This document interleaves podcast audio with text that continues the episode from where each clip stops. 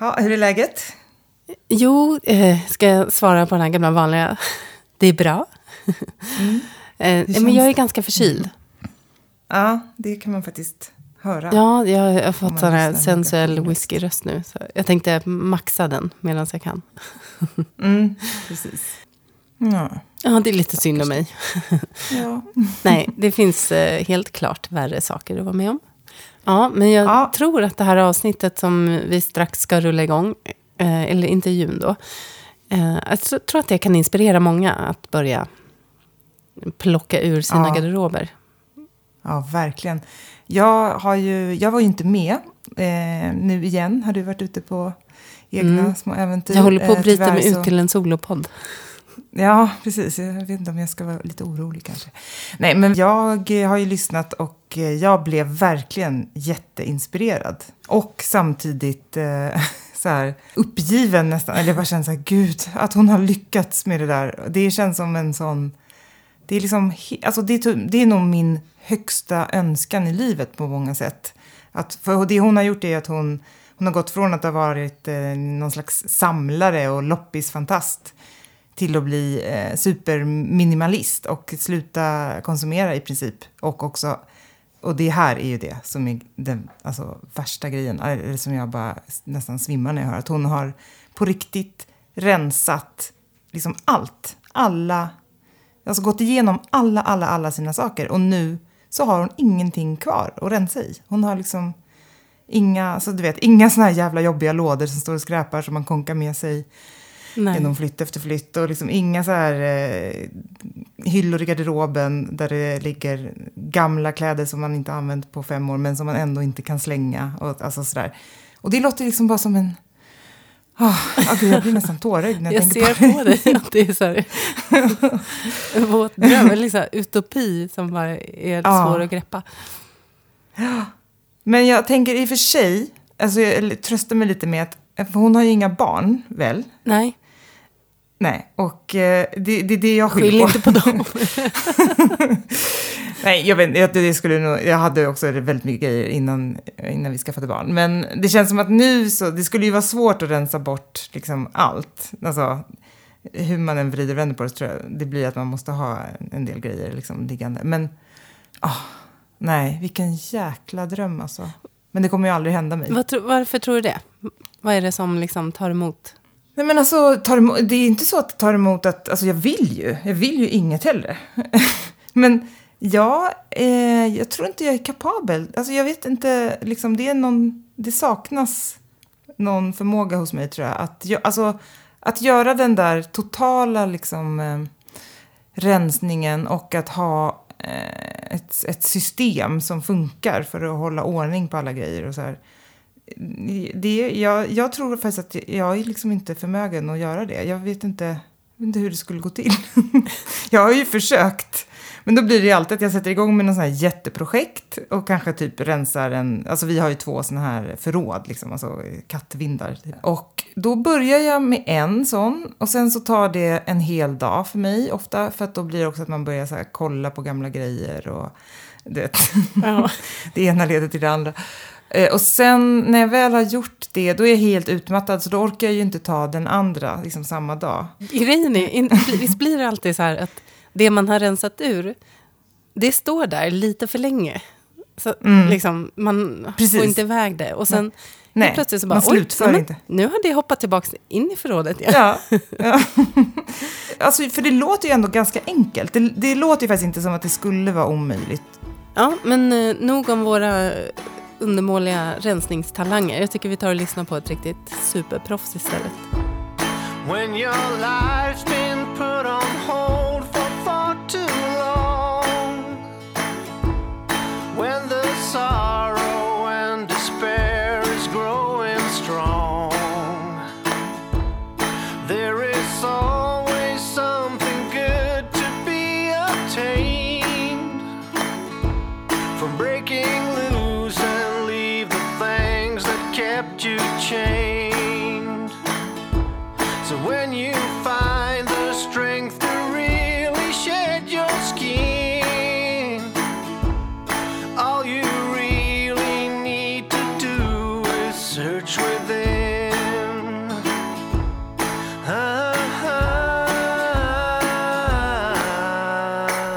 Ja, jag sitter här i Särna och snöstormen yr utanför fönstret. Ett antal mil bort så har jag eh, dagens gäst, Sofia Brolin. Hej Sofia! Hej Katarina! Hur, var sitter du någonstans? Jag sitter i Göteborg. Här är det mer regn och eh, halvstorm utomhus. Ja, det brukar blåsa på tvären där har jag hört. Mm. Vi lever upp till ryktet. ja. Ja, kul att, eh, att du kunde vara med idag. Du Jättekul är ju en gäst som jag och syrran har eh, eh, velat ha in ett bra tag faktiskt. Och sen tänkte vi ju först att vi skulle faktiskt åka till Göteborg och hälsa på dig. Men nu eh, löser vi det här på distans istället. Sofia, vem är du då för de som inte vet det? Ja, alltså jag brukar beskriva mig som eh, den före detta samlaren som blev en eh, färgglad minimalist. Åh, vilket Ehm, underbart epitet. Jag, eh, jag är en frihetstörstande och förändringsbenägen person. Eh, jag brukar också kalla mig för en social enstöring. Jag älskar sociala sammanhang men också älskar enstöringslivet, att vara för mig själv. Nyfiken på framtiden, älskar djur, natur och hållbarhetsfrågor. Ehm, och på frågan om vad jag... Det är också så här, vem är man? Det är ju en specifik fråga. Men vad jag gör då, det är också en annan fråga såklart. Det, ehm, och då är jag egenföretagare inom kommunikation. Så jag är grafisk formgivare och art director. Du är ju också bloggare. Just det, glömde jag säga det? Eh, jag tror det.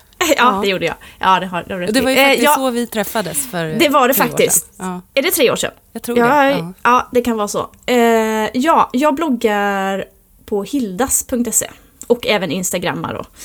Eh, men bloggen startade jag för eh, nio år sedan tror jag. Så den har ju gjort, alltså jag personligen har gjort en enorm resa ehm, som person. Och bloggen har på något vis följt med det. För att från början så var jag ju, alltså jag shoppade ju som en galning på loppis. Jag köpte allt som jag tyckte var fint. Mm. Eh, och sen så har det förändrats väldigt mycket kan man säga sen dess. Men bloggen har på något vis följt hela den resan för att jag är inte den eh, idag som jag var när jag startade då för nio år sedan såklart. Nej.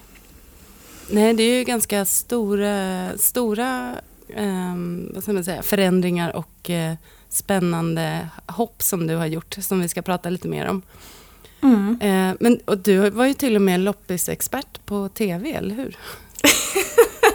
Jag har varit där två gånger i SVTs eh, morgonprogram i egenskap av eh, någon slags loppisexpert. Ja. Ja, Ja. det stämmer. Då har man Mm. gjort eh, en, sin beskärda del av loppisshopping.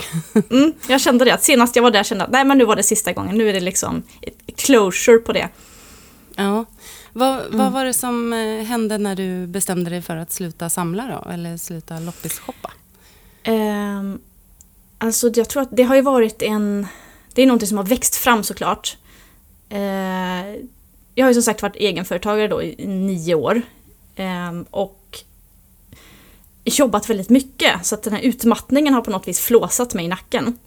Vi bodde också i ett stort hus på landet. Eh, jag odlade grönsaker, jag som sagt shoppade massa på loppis och höll på med fixa och greja och målade om möbler och alltså fixade så jäkla mycket. Och jag insåg bara att jag måste börja skala av. Det var för mycket intryck från alla håll. Och eh, jag började att rensa ut mina grejer, det var liksom första steget. Ehm, eller nej, faktiskt, första steget så här i backspegeln kan jag ändå se att det var när jag sa upp mig då för nio år sedan. Mm. För då ströp jag ju min stora konsumtion. Kan man säga, för då visste jag inte hur det skulle gå. Men jag fortsatte att shoppa på loppis för det kändes som att ja, men det, är inte, det är inte lika... Det går inte lika mycket pengar på det och det är inte lika farligt, inbillade jag mig på något vis. Ehm, eh, så att det var nog egentligen startskottet för det här. Och sen har det varit en långsam utveckling under jättemånga år. Såklart så har det växt fram. Och till idag, nu har jag...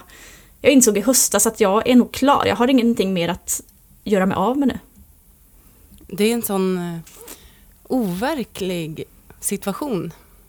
Kan jag Mm. tänka. För att, ja, jag tänker, ja, jag försöker rensa och inte shoppa överdrivet mycket och sådär. Men alltså prylar, det, det finns ju.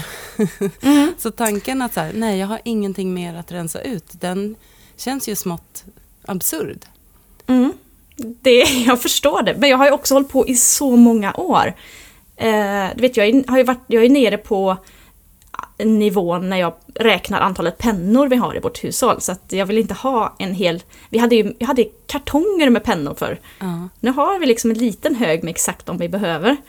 Um, så att det, är, det är verkligen på molekylnivå. Jag har gått igenom allt. Men det är också, vi har ju också gjort en flytt då. Vi, som sagt, vi bodde ju då i ett stort hus. Sen bestämde vi oss för att eh, sälja det här huset. För att det på något vis eh, stod i vägen för vad vi ville göra i livet. Trots att vi älskade huset och vi trivdes jättebra. Så kände vi att det, det, det var i vägen för vad vi eh, ville göra.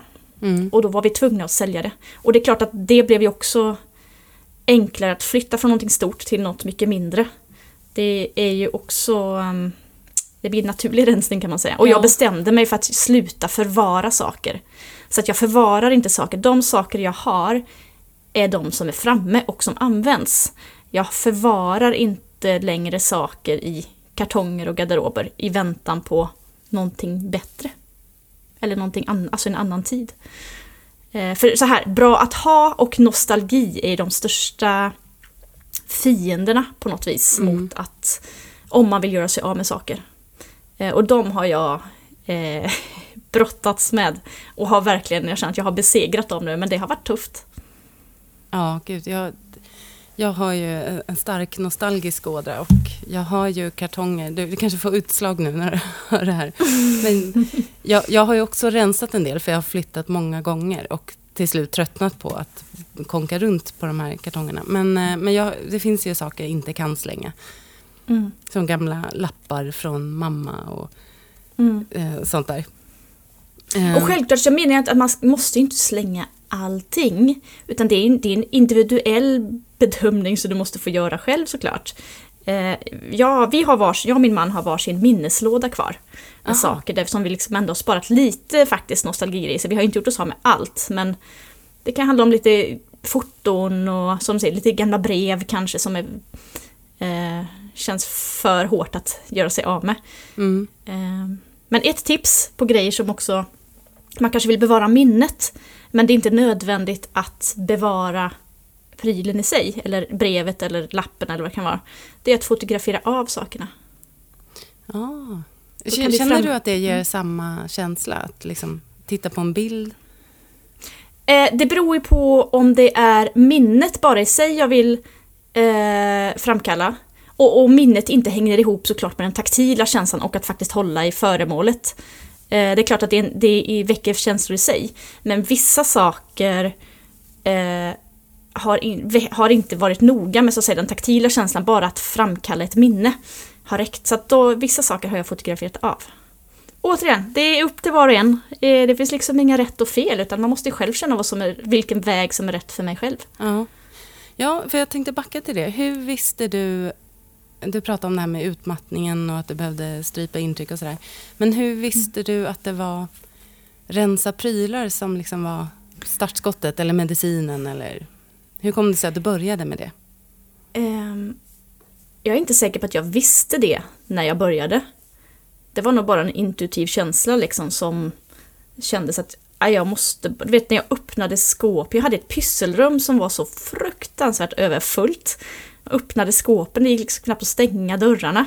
Mm. Eh, och det skapar ju ingen inspiration eller kreativitet. Det blir bara, det blir bara ångest kring det. Eh, så det var nog bara en intuitiv känsla att jag måste börja. Och när jag väl hade börjat så kunde jag inte sluta. Eh, för det gav, det gav liksom eh, kickar. Det var en sån otroligt skön känsla och befrielse varje gång varje hekto liksom lämnade hemmet så var det, jag, jag fick en sånt välbefinnande. Eh, och det fick ju mig att fortsätta. Vad tror du att det beror på? För det, det, det, tror jag många av oss kan känna igen. Att känslan när man har liksom rensat och åkt och, och lämnat saker, om man mm. ur det, den kan vara väldigt eh, befriande. Vad, vad, tror du att det kommer sig av? Eh, alltså det skapar ju jag tyckte att det frigjorde energi. Och på något vis gick, lättare att tänka och andas för varje sak som försvann. Och det var ju den känslan jag var ute efter för att jag kände mig nästan kvävd i att jag hade så mycket. Och det var som sagt, det var ju från många olika håll så det här blev ju symbolen för mycket. Mm. Eh, prylarna just. Och de var så enkla att ta tag i. Det blev så konkret liksom när de lämnade hemmet så ja, det, det bara det bara gav en otroligt välbefinnande som jag kände att det här vill jag ha mer av. Ja, för du pratar ju om att du är frihetstörstande. Är det, är det kopplat mycket till frihet att inte ha en massa prylar? Definitivt. Eh, verkligen. Jag har ju insett nu. Eh, det är så enkelt nu när jag inte har så mycket. Att jag har liksom ing- Förr så höll på något vis sakerna kvar mig. Mm. Det var som att jag måste vara hemma och vakta mina saker. eh, eh, nu har jag jag har precis det jag behöver och det är väldigt rätt, lätt för mig att bara resa mig och gå. Om jag vill. Sen kanske jag inte gör det, men känslan också av att jag eh, kan det är fantastisk. Vad har det inneburit för dig ekonomiskt då? Det här eh, rensandet och shoppingstrypandet? Jättestor skillnad. Självklart, eh, det är två olika delar såklart. Dels så eh, att sluta konsumera har ju gjort att jag har kunnat... Så här, när jag sa upp mig så eh, så slut, ja, jag fortsatte shoppa lite på loppis visserligen, men, mm. men jag slutade, jag ströp den mesta av min konsumtion. Min mesta, ja, mesta av konsumtionen ströp jag helt och hållet, för, i och med att jag inte visste hur det skulle gå för mig. Eh, så jag började spara, som jag aldrig har gjort i hela mitt liv. Jag har aldrig sparat mina pengar. Men det gjorde jag nu för att ha som någon slags trygghet liksom för att fortsätta kunna driva mitt eget företag som jag ville så gärna. Det här sparandet fortsatte jag med trots att frilansandet funkade. Att jag fick inkomster på det så fortsatte jag att spara. Så att både eh, sparandet och att jag inte gjorde slut på några pengar det gjorde att jag kunde spara mer och mer såklart. Och även eh, att sälja av prylarna har ju gett mig otroligt mycket fickpengar under åren. Jag har tyvärr inte fört bok på hur mycket pengar jag har fått in på allting jag har sålt, men det är, det är mycket pengar. Så det har ju också gjort att det har blivit mina fickpengar under åren, så jag har inte behövt tillföra några andra fickpengar, för jag har ju sålt saker för att ha mina fickpengar för att kunna leva på. Mm -hmm. Mm, så det var verkligen ett, ett, man kan säga att i garderober och i förråd låg ju liksom högar med pengar som jag inte visste om fanns. Åh oh, gud, när man ser på det så. Jag, jag, tänker, jag har ju två äldre kameror som jag inte har sålt till exempel. Mm. Eh, mest för att jag tycker att det är ganska jobbigt att sälja saker. Hur har du löst eh, den? Just kamerorna förstår jag verkligen, för jag hade ganska mycket kamerautrustning också. Ja. Det var något som jag sparade till slutet. För att det var... Jag visste inte hur jag skulle göra eller gå tillväga sådär. Eh, men det jag ska säga är att det bästa tipset, för man, det är lätt att man känner åh gud vad svårt, vad ska jag göra och vad, vilka grejer ska jag göra mig av med? Börja i den enkla ändan. Börja liksom med allt som är enkelt att ta bort. Mm. Eh, för varje lager som liksom försvinner med de enkla sakerna så kommer du till nästa lager. Och då blir allting blir ju i, rela i relation till någonting annat. Mm. Så att har jag fått bort alla de enkla sakerna då har jag lite fortfarande, då har jag lite lite svårare och svåra grejer men då blir de lite svårare grejerna enklare än de svåra grejerna om du förstår. Allting ja. blir ju i förhållande till någonting annat. Ja, så, att, så att alla saker som kändes jättejobbiga att göra sig av med de lät jag bli de första åren. Eh, och sen när jag väl kom till det lagret där de svåra sakerna befann sig så hade det liksom mognat fram och då ja, var det inte alls ja. lika svårt längre. Då hade Precis du redan en... ninja-skills. Ja, dels det såklart, men också rent mognadsmässigt. Alltså rent, det här är ju en enorm mental resa att göra. Att, för det är ju som att förändra hela sin sitt synsätt att se på saker. Ehm, så att då till slut var kamerautrustning, det var, slut, det var kvar på botten liksom. Det var bland de svårare grejerna. Så de gjorde jag med mig förra året, de sakerna som jag inte behövde. Jag hade objektiv och kamerahus som jag faktiskt inte använde.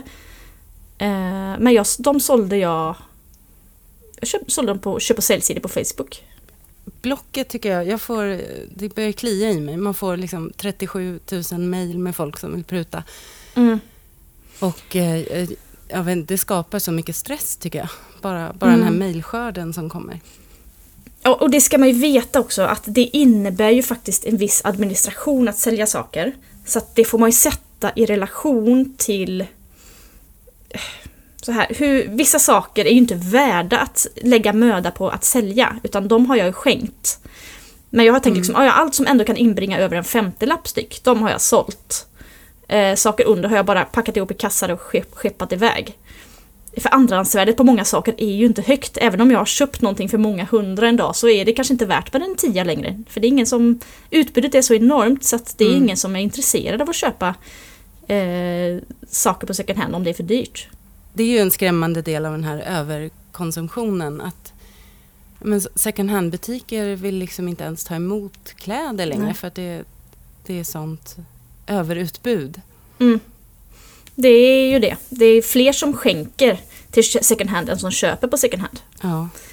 Eh, vilket såklart skapar en snedfördelning. Men, eh, men att, jag skulle... Eh, köp och säljsidor på Facebook är faktiskt det som jag har gjort. Eh, sålt de flesta av mina grejer. Just för att det har varit så enkelt. Är, det är så enkelt att bara lägga upp en bild och publicera. Eh, det känns som att jag, block, jag, först, jag har sålt vissa saker på Blocket. Men det beror ju på att eh, det, det, är liksom, det, det, känns som att det, är ett större, en större tröskel på något vis att göra det där.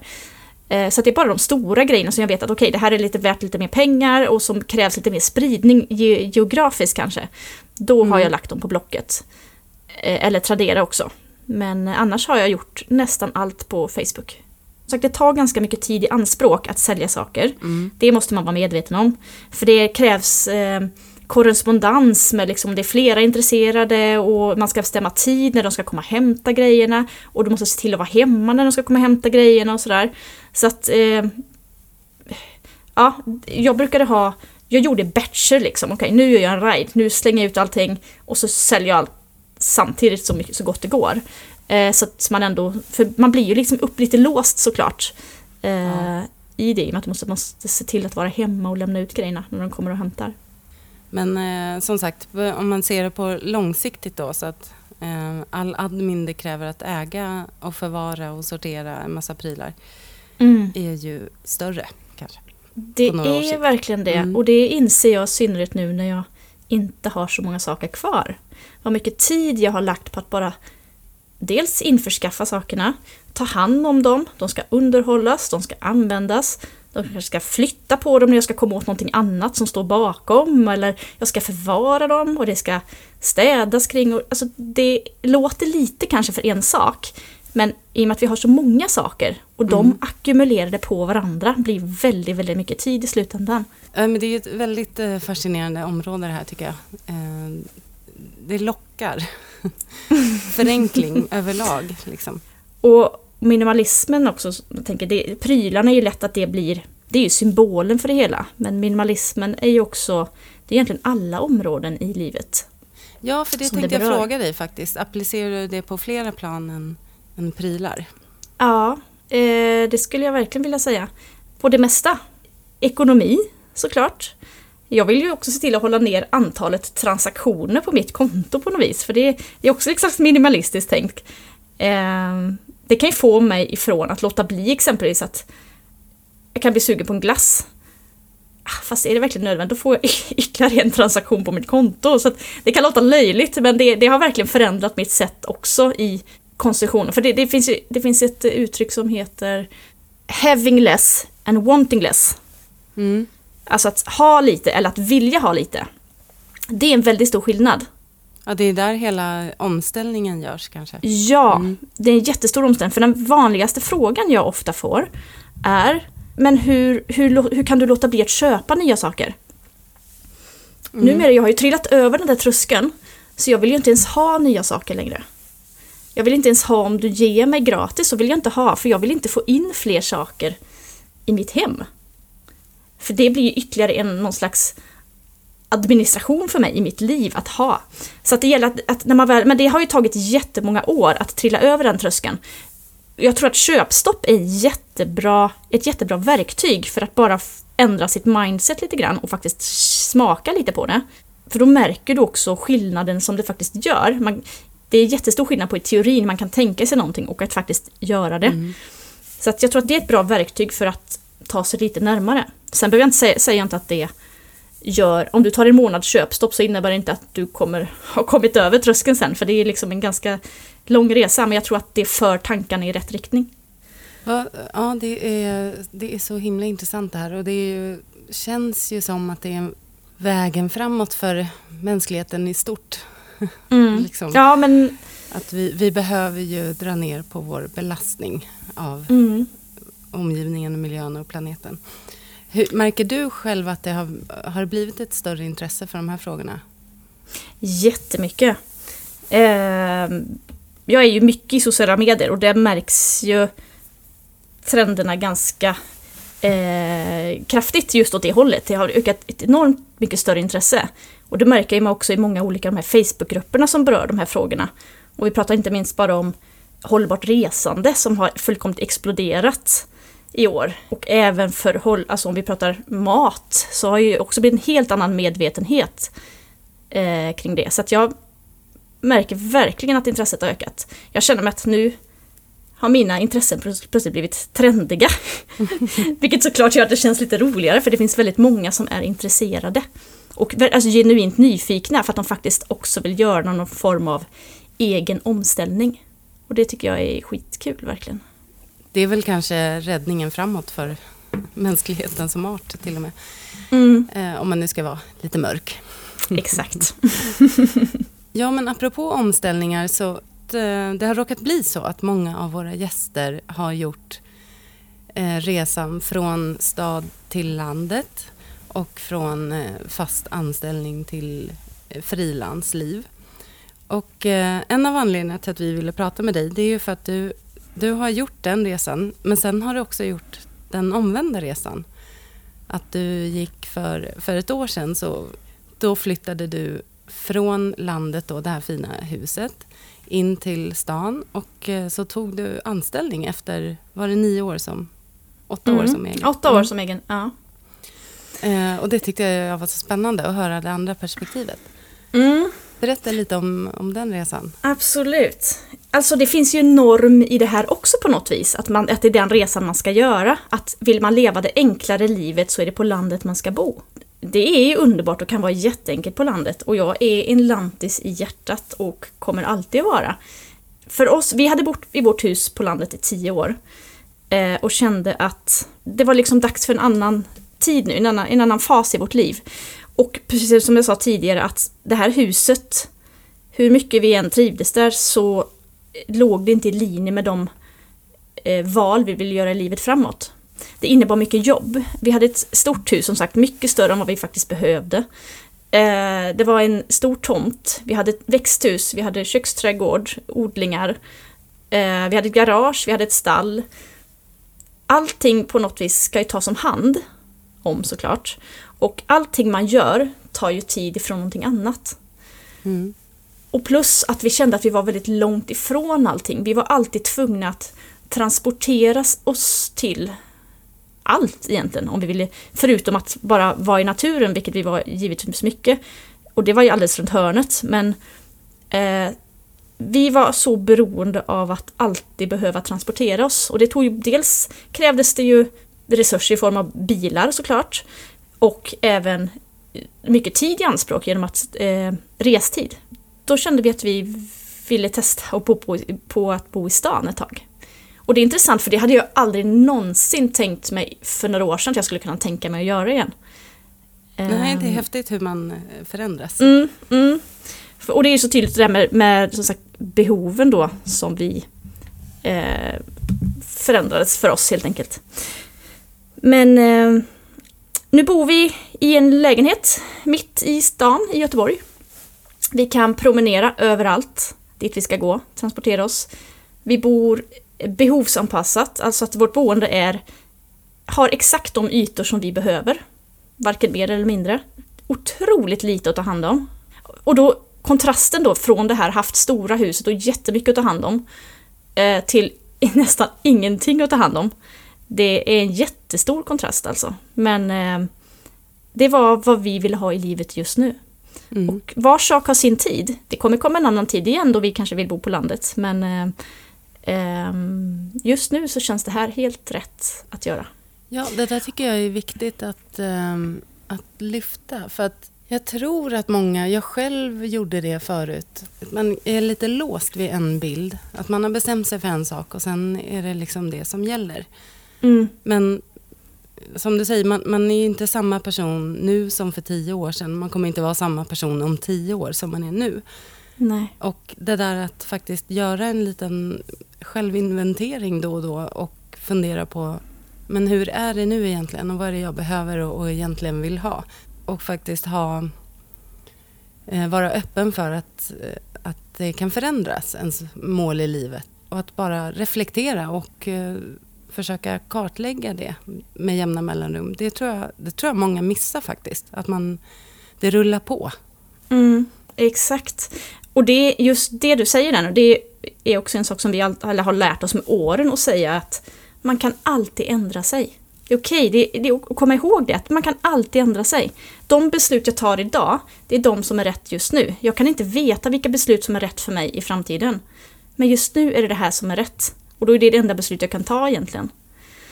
Men då ska man komma ihåg att det är okej. Okay. Det saker kan bli fel. Eh, men det är okej, okay. jag kan ändra mig, jag kan göra om det sen. Det behöver inte ligga varken stolthet eller prestige i det. Bara inse, shit, jag gick fel väg. Jag behöver ändra mig här. Och det är helt okej. Okay.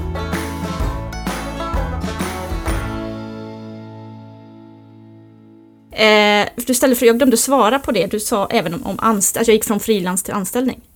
Ja. Mm. Att den omställningen, eh, jag är frilans fortfarande, men jag, och har varit i nio år, men bestämde mig efter åtta år att hoppa på ett vikariat som var en anställning. Jättejobbigt faktiskt för min självbild som är en egenföretagare.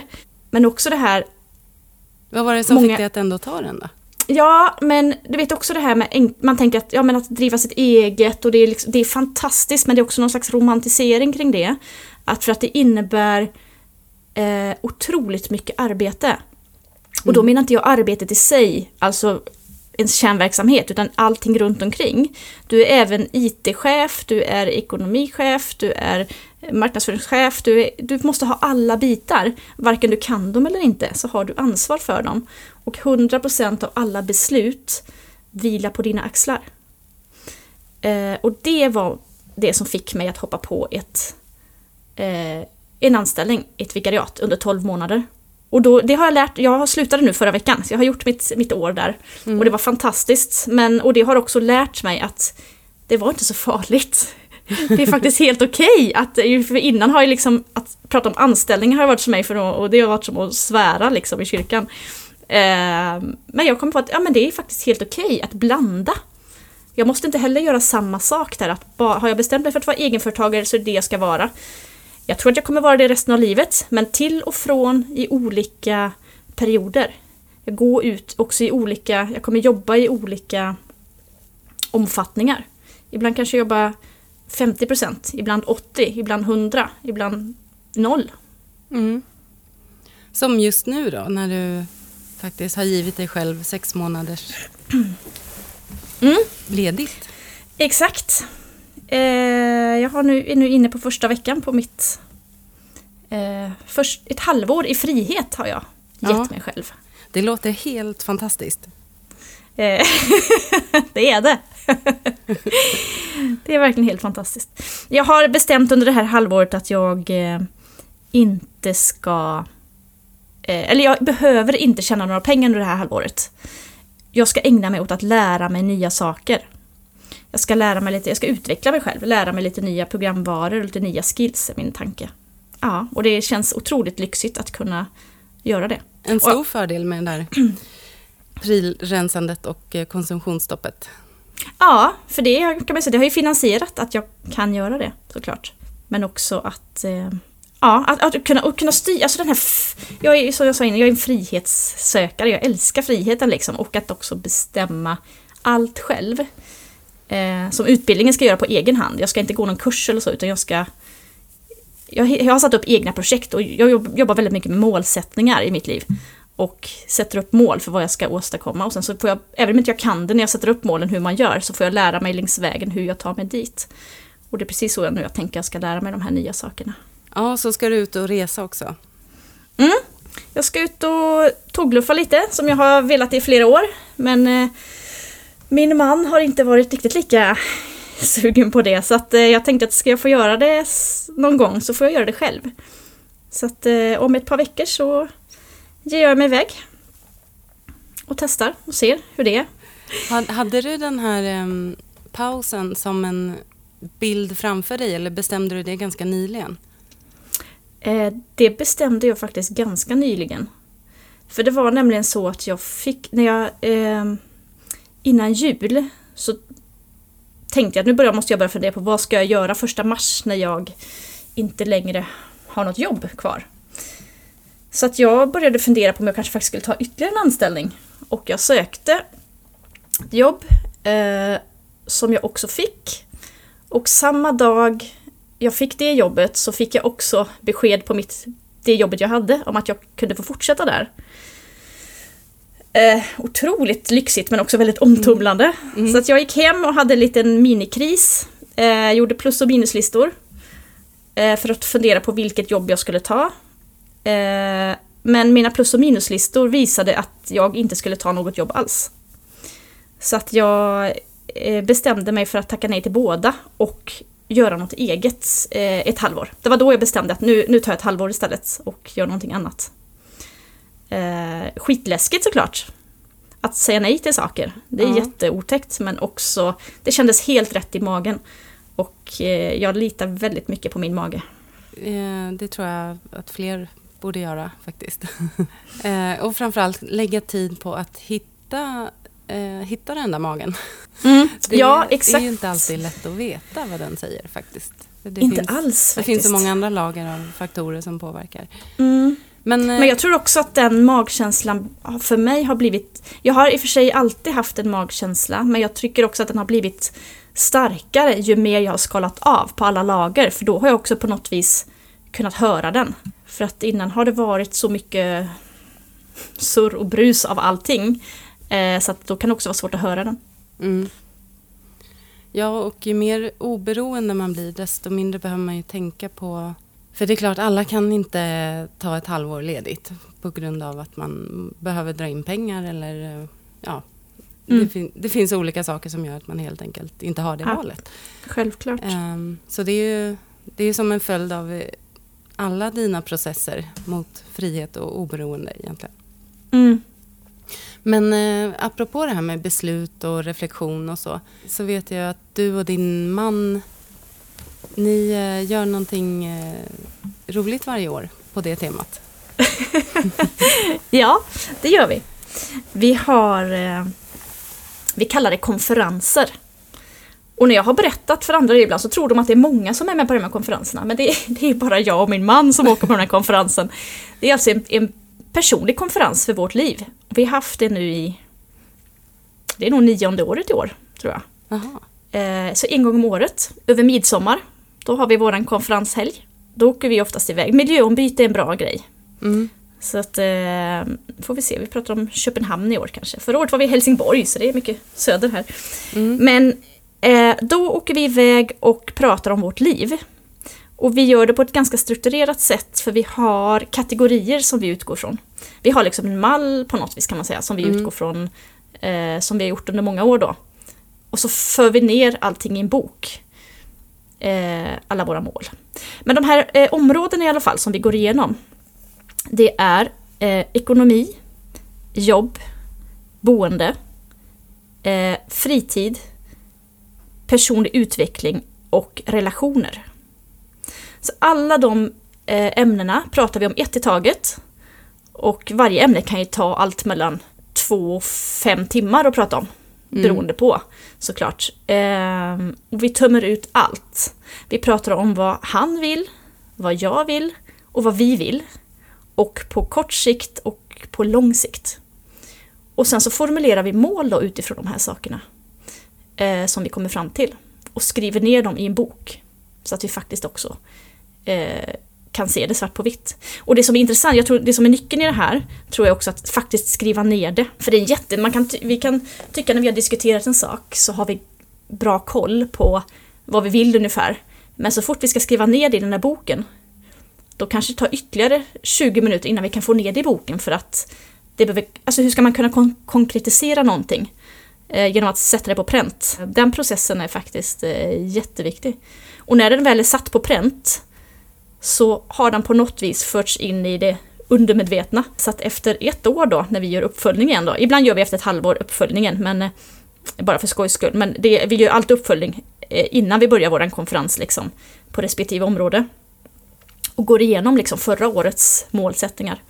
Och det är häftigt att se hur många saker vi har genomfört utan att kanske egentligen tänkt på det.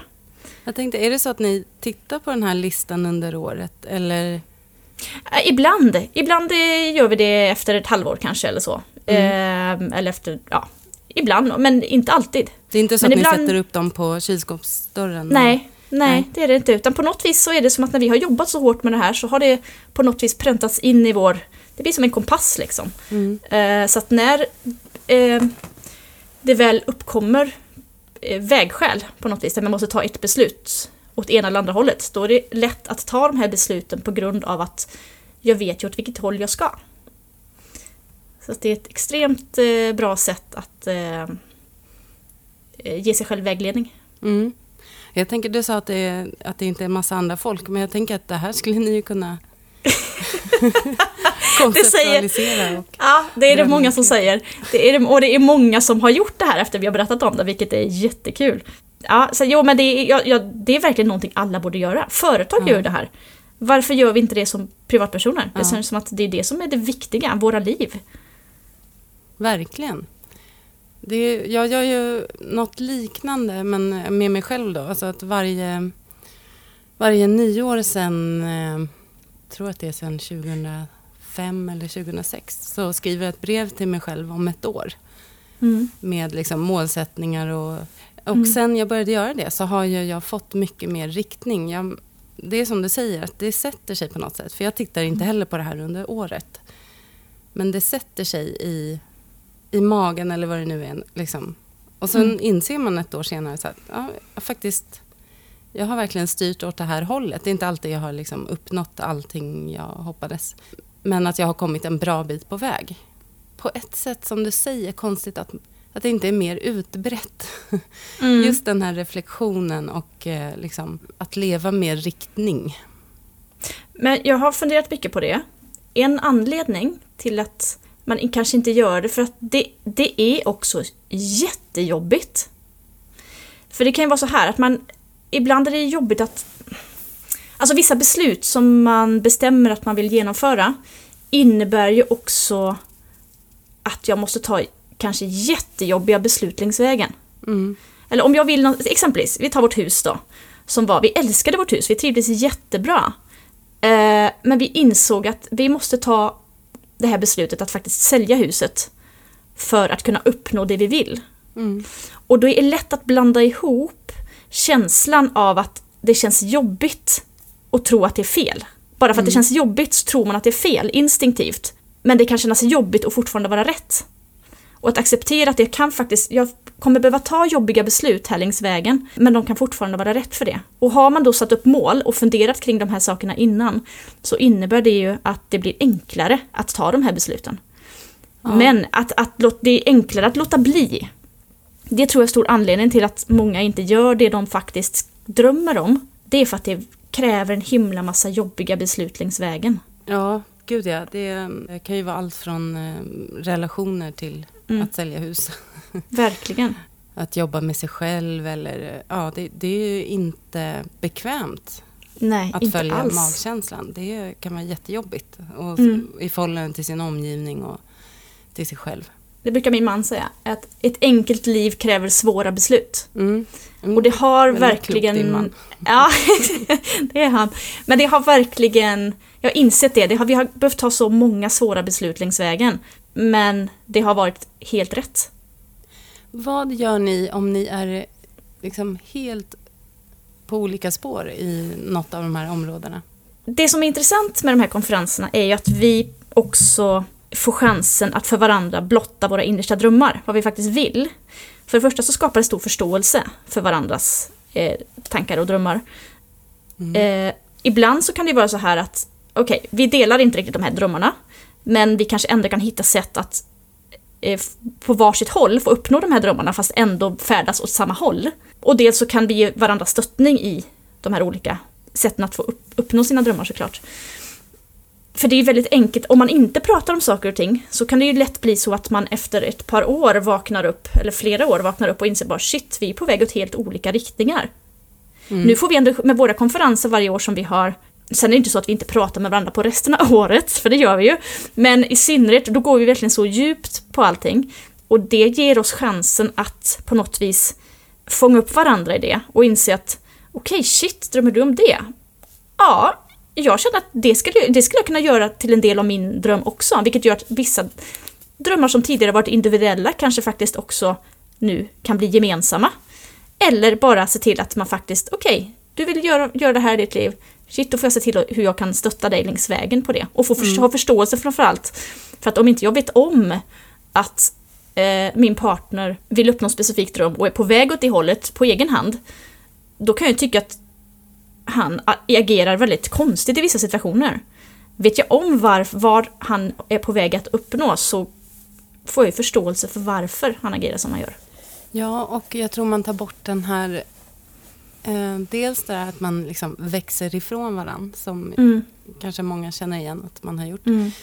Eh, men också den här rädslan som det kan ge, att den man lever med förändras. För att man inte är med på spåret. Det, det vet jag har liksom varit i, i relationer jag har haft. Att, att det blir liksom ett hot. Eh, mm. Men om man istället följer med varandra så behöver det inte, behöver det inte bli så. Eh, jag är liksom införstådd eller involverad i olika grad. Och eh, som du säger, man kan stötta istället för att mm. försöka motarbeta. Mm. Och då tror jag att många, många skilsmässor och separationer kan undvikas. Verkligen. Det tror jag definitivt. Så det är nog mitt bästa tips till alla faktiskt. Att eh, ha någon, hur man än vill, vill göra det, att på något vis ändå reflektera över sitt liv. Vad vill jag? Och identifiera, hur ser det ut? Är det så här jag vill ha det? Vill jag inte ha det så här? Vad kan jag göra åt det för att göra det annorlunda? Någonting som jag är nyfiken på, som ofta kommer um, upp när det gäller det här med frihet och att ha större svängrum i livet. Det, det är det här med passiv inkomst. Så jag tycker mm. det pratas eh, mer om på sistone. Är det någonting du eh, jobbar med eller är det liksom att du har ett sparkapital på, på banken? Liksom? Eller, eller har du förvaltat det på något sätt så att du har en passiv inkomst? Jag har en halvpassiv inkomst kan jag säga. Mm. I form av en webbshop som jag byggde upp för nio år sedan. Där jag säljer mina egna illustrationer. Och den... Jag jobbar inte egentligen så mycket med den längre. För att jag har liksom fått, jag tycker inte det är, ja, jag jobbar inte så mycket med det längre, alltså med utveckling eller marknadsföring. Men jag har gjort ett bra grundjobb i den, vilket gör att den säljer själv. Ja. Eh, och det enda jag behöver göra det är att se till att leverera, skicka, skick, ja, leverera mina illustrationer. Så det, den, det, är en halv, det är inte en helt passiv inkomst, men det är en halvpassiv inkomst. För jag behöver inte jobba för att sälja på något vis, utan den säljer själv och jag bara eh, gör administrationen sen runt omkring. Så jag, jag har inga helt passiva inkomster, det är klart att det vore drömmen att ha det. Men sen jobbar jag ju också med eh, Alltså ekonomin försöker jag ju se till att pengarna jobbar för mig på något sätt. Mm. Genom att placera den i olika eh, företag, i olika fonder, aktier, vars företag som jag tror på. Ja, så du, um, du jobbar med det mycket? Eller? Mm, det gör jag. Och så försöker jag också hitta då företag som jag verkligen, alltså jag är väldigt värderingsstyrd. Jag, det är viktigt att saker känns bra i magen. Det, jag, vill, jag vill lägga mina pengar hos eh, i projekt där jag känner att det ligger i linje med mina, med mina värderingar. Mm. Så att eh, jag har investerat i flera olika eh, företag, både noterade och onoterade företag som gör tjänster, erbjuder tjänster eller produkter som gör det jag tror på.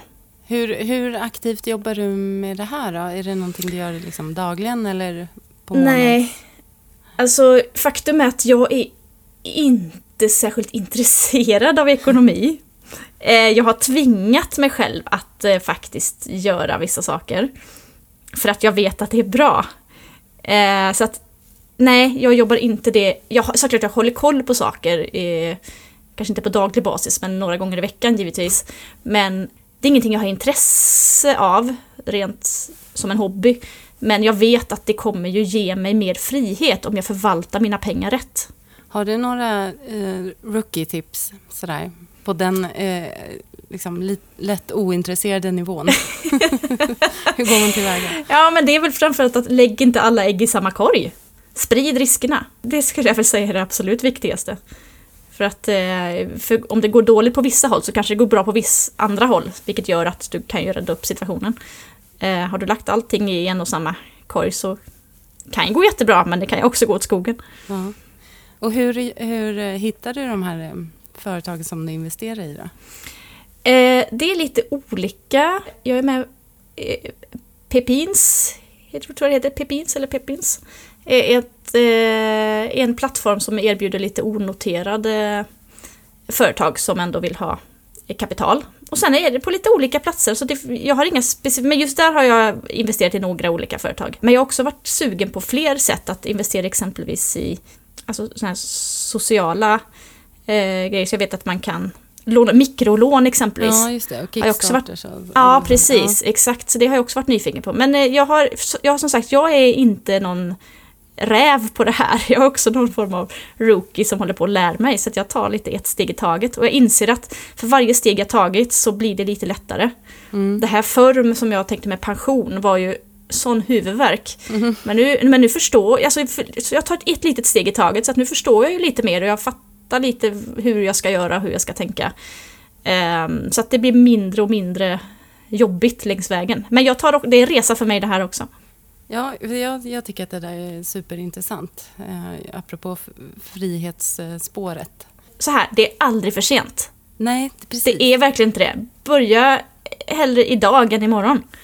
Det är bara det, du kan börja nu. Ja. Jag har inte heller, jag önskar också att jag började tidigt, att jag fattade de här sakerna tidigt. För jag hade jag börjat när jag var 20 då hade jag ju liksom, det hade, då hade ju kapitalet kunnat jobba ganska mycket åt den ränta på ränta-effekten. Mm. Som nu, när jag är då eh, över 40, det hade ju liksom hunnit jobba många år, men nu har jag ju bara hållit på i några år. Men eh, mm. ja, man, får ju börja, man får börja gräva där man står. Det, ja, men det gör ju skillnad. Ja, och sen så tänker jag också att jag ska inte laborera med pengar jag måste ha nu inom Nej, kort. Precis. Det är det, mm. för att det är klart då blir det extremt äh, ångestladdat. Eh, utan laborera även hur lite den är. Så här, så det är bättre Många säger, nej men jag, jag har inte så mycket pengar. Nej men varje krona räknas. Alltså börja med 100 kronor i månaden då. För det kanske man kan avsätta, då kan man avstå en lunch. Så kan man avsätta 100 kronor i månaden. Då blir det ändå bett, mer än ingenting.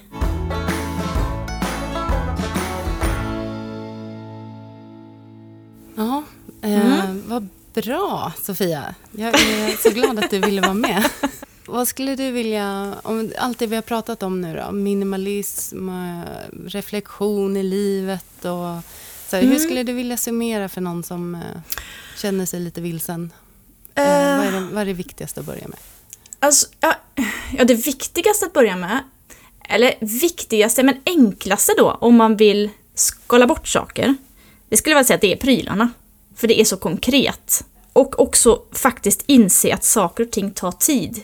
Och det är okej. Okay. För en del blir väldigt frustrerad över att det, det är jobbigt, det tar mycket tid och att det är ångestfyllt och allt vad det är. Men ett litet steg är bättre än inget steg. Så att hellre en sak än ingen sak. Eller vad det nu är du ger dig på. Och ha förtröstan liksom i att saker, tålamod. Jag har inte tålamod egentligen men eh, med det här har jag ju fått se att det har gett resultat att faktiskt ha tålamod. Och sen mm. också att jag insett i efterhand hur allting hänger ihop. För att när jag då har frigjort tid så har det gett mig utrymme att tänka och reflektera mer. Och tänker jag och reflekterar mer så är ju sannolikheten högre att jag tar med bättre och mer medvetna och aktiva beslut i mitt liv. Det är så lätt när man, har, när man har, springer och springer och liksom sysselsatt hela tiden med någonting gör att jag har inte så mycket tid för reflektion vilket gör att jag bara tar snabba beslut. Och snabba beslut kan bli rätt men många gånger blir de fel. Vilket gör att du får kämpa mycket mer. Så att sannolikheten ökar ju mer, alltså ju mer man backar, jag har insett nu efteråt liksom att shit, allting hänger verkligen ihop. Mm. Eh, också med hållbarhet då såklart att ju mer tid jag har att reflektera så har jag också mer tid att ta och tänka över och ta hållbara beslut. För har man bråttom så är det lätt att det blir en quick fix som sällan blir bra. Verkligen. Om man vill läsa mer om eh, dina tankar eller kontakta dig och ställa frågor och sådär, vart, eh, mm. var hittar man dig då? Ja, men du hittar mig på hildas.se. Och jag hittar samma på Instagram, där är jag mer aktiv då. Där finns allt du behöver för att kontakta mig. Vad bra, du är också med i, eh, i vår Facebookgrupp. Bortom ekorrhjulet närvar hur. Exakt, där hänger jag. Det är en jättehärlig grupp. Ja, så där kan man eh, också kanske säga hej till dig. Sofia. Absolut. Nej, men det är så fint med en sån gemenskap med andra som, jag brukar säga, som delar ens universum. Mm. Som förstår liksom att man har liknande tankar och värderingar. Det är ja. väldigt skönt. Det är som att vara i ljummet vatten liksom. Det är ja, väldigt skönt det. att vara det. Mm. Det är väldigt utvecklande också tycker jag. Mm, verkligen. Stort tack för att du ville vara med och eh, dela med dig av all den här klokskapen. Tack för att jag fick vara med såklart. Och eh, jag som har, eh, har gått från ett fritt frilansliv till att börja jobba. Jag kommer följa din och ditt lediga halvår med stor glädje. Så välkommen så. Jag får, jag får leva det via dina kanaler. Ja, precis. Leva, leva ditt liv genom mig ett tag här nu. Ja. ja. jag tar den på mig. Gå in och ställ lite frågor till Sofia nu i Facebookgruppen. Tack för idag. Hej då. Hej då.